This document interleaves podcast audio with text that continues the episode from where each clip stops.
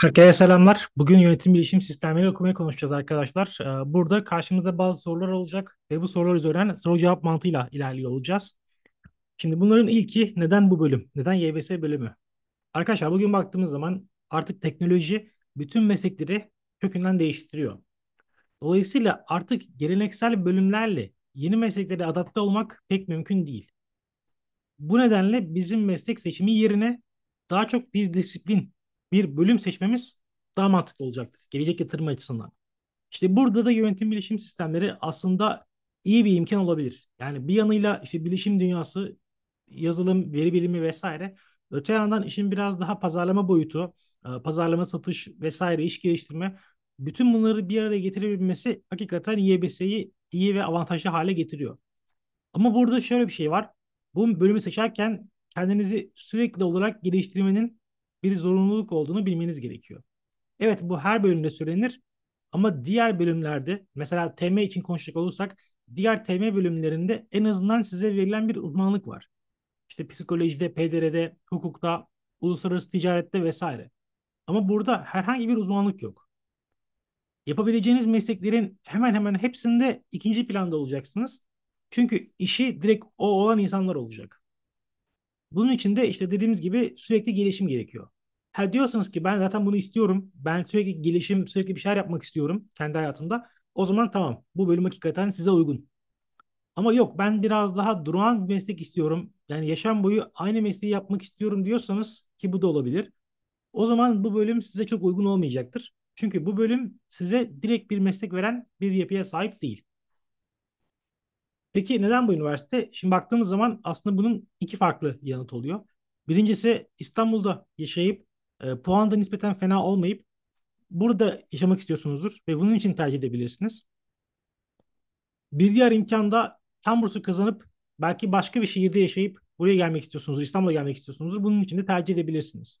Bence iki gerekçe hakikaten iyi bir tercih olacaktır. Çünkü hem İstanbul'da yaşayıp hem de kalbur üstü iyi bir üniversitede okumak, iyi bir vakıf üniversitesinde okumak bence size iyi bir getiri sağlayacaktır kariyer yönetimi anlamında.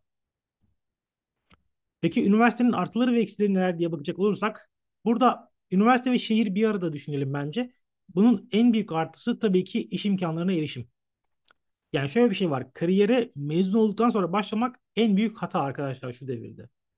Daha öğrenciyken başlamak gerekiyor bir şeylere ve İstanbul'da bunun için aslında çok büyük bir nimet bize verilen. Dolayısıyla İstanbul'da bir yerlerde staj yaparken bir yerlerde işte part-time vesaire çalışmak için bölümünüzle ilgili konularda iyi bir zemin sağlıyor. Aynı zamanda üniversitenin de hakikaten bir ismi var sonuçta bu piyasada. Bir vakıf üniversitesi olarak e, köklü bir yapıya sahip. Dolayısıyla burada okumakta sizin yarın öbür gün bir yerlere girerken bir şirkete vesaire çalışırken e, karşıdaki İK uzmanının ön yargılı yaklaşmasını engelleyecektir. Çünkü bu durum var. Yani maalesef bazı vakıf üniversitelerinde e, İK uzmanları karşıdaki şirket çok iyi bakmayabiliyor. Ama bu üniversite zaten en azından belli bir ismi olduğu için e, karşı tarafta bir sorun yaratmayacaktır. Öte yandan eksisi ne olabilir? E, burada çok bence bariz bir eksi yok. Ama şu olabilir işte e, sonuçta bir devlet üniversitesi gibi bir kampüs hayatı yok. Belki bunun bir eksikliğini hissedebilirsiniz. Eğer çok böyle kampüs hayatı vesaire istiyorsanız burada da var bu arada. Hani bu okulda da yok değil böyle bir kampüs imkanı. Ama sonuçta tabii ki bir devlet üniversitesiyle kıyaslamak çok mümkün olmayacaktır yapısı gereği. Dolayısıyla burada böyle bir şey sayabiliriz. Bir diğer sorumuz peki bu bölümü bitirdiğinizde hangi iş imkanlarını elde edebilirsiniz? Bu aslında tamamen size bağlı arkadaşlar. Yani ben size olabilecek olanları söyleyeyim sadece olasılık olarak. Veri bilimi, programlama, tasarım, iş geliştirme, proje geliştirme, pazarlama, satış bütün bunları sayabiliriz burada. İnsan kaynakları belki bir şekilde e, o biraz daha uygun değil belki ama yine yapılabilir. Ama burada önemli olan sizin hangisine eğilimli olduğunuz. Çünkü göreceksiniz ki bunların hepsinde her birinde başka başka uzman var. Mesela bir matematik mühendisi ya da bir istatistik mezunu e, sizin önünüze geçebilir veri bilimi başvurularında. Ya da işletme ile ilgili bir başvuru yaptığınızda, daha doğrusu pazarlama ile ilgili bir başvuru yaptığınızda bir şirkete, satışla ilgili ya da bir işletme mezunu sizin önünüze geçebilir. İşte bunun önüne geçmek için de, bunu engellemek için de sürekli olarak çalışma yapmanız gerekiyor. Kendinize alan belirleyip üniversiteden itibaren bunun üzerine bir yapı kurmanız gerekiyor. Bunu yaptığınız zaman göreceksiniz ki aslında ne iş yaparsınız yapın, hangi işe merak sağlarsanız alın, hepsinde fark yaratmanız mümkün. Bir diğer sorumuz staj olanakları üzerine. Şimdi arkadaşlar staj olanakları İstanbul'da hakikaten büyük bir avantaj. Çünkü bugün işte e, Levent taraflarında, Maslak taraflarında ya da işte Kadıköy'de vesaire çok fazla yeni nesil girişimler var, startuplar var. Buralarda gönüllü olarak çalışabilirsiniz. Diğer taraftan yani zorunlu stajda şöyle bir sıkıntı var. Yönetim bilişim sistemleri buna çok müsait bir bölüm değil. Zorunlu staja. Dolayısıyla sizin mümkün olduğunca zorunlu staja gerek kalmadan kendi gönüllü stajlarınızı bulmanız gerekiyor. İstanbul'da bunun açıkçası bir artısı var. Üniversiteniz de iyi. Yani sonuçta bunun da adını kullanabilirsiniz. İyi bir vakıf üniversitesinde okuyacaksınız burayı tercih ederseniz. Dolayısıyla burada üniversitenin de e, etkisiyle birlikte, desteğiyle birlikte bu tarz yerlerde görev alabilirsiniz. Ha, bu direkt fiziki de olabilir. Bir işte girişime haftanın birkaç gün gitmek şeklinde. Ya da orada iş bulup, işi bağlayıp uzaktan bilgisayardan da çalışabilirsiniz. Bunlar giderek yaygınlaşıyor ve siz de burada bir yapı inşa edebilirsiniz bence. Ama tabii şunu söylemek lazım. Son olarak orada o başlıkla ilgili orada hakikaten bunun için kovalamanız gerekiyor. Özellikle hazırlık varsa hazırlıkta ve 1 ve 2. sınıflarda. Peki bölüm mezunları için ortalama maaşlar neler? Bu da yine kritik bir konu e, bölüm tercih ederken.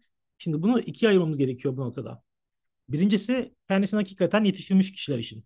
Yani bu bir önceki maddeyi uygulayan, stajı yapmış, o birinci, ikinci sınıfı bunlarla geçirmiş arkadaşlar Üçüncü sınıftan itibaren iş teklifi alacaklardır muhtemelen. Bir tabii yabancı dilde güzelse bu noktada. Ve üçüncü, dördüncü sınıftan itibaren asgari ücretle çalışmaya başlayacaklardır. Ama yok. Ben işte üniversite hayatımı çok bununla geçirmedim. Staj vesaire çok fazla kovalamadım uzun dönemli olarak. Yabancı dilimde hani şöyle böyle çok iyi değil diyorsanız maalesef mezun olduktan sonra üniversiteniz iyi de olsa bu noktada asgari ücret seviyesinden çok fazla kurtulamıyorsunuz diyebilirim. Buradaki kriter sizin ne yapacağınıza bağlı. Ha bu şu anki yüzde nasıl? Benim gözlemim yüzde 35 birinciyi yapıyor. Yani kendisine bir iş imkanı yaratıyor öğrenciyken. Yüzde 65 maalesef çok fazla bu konulara merak salmıyor diyebilirim ne yazık ki.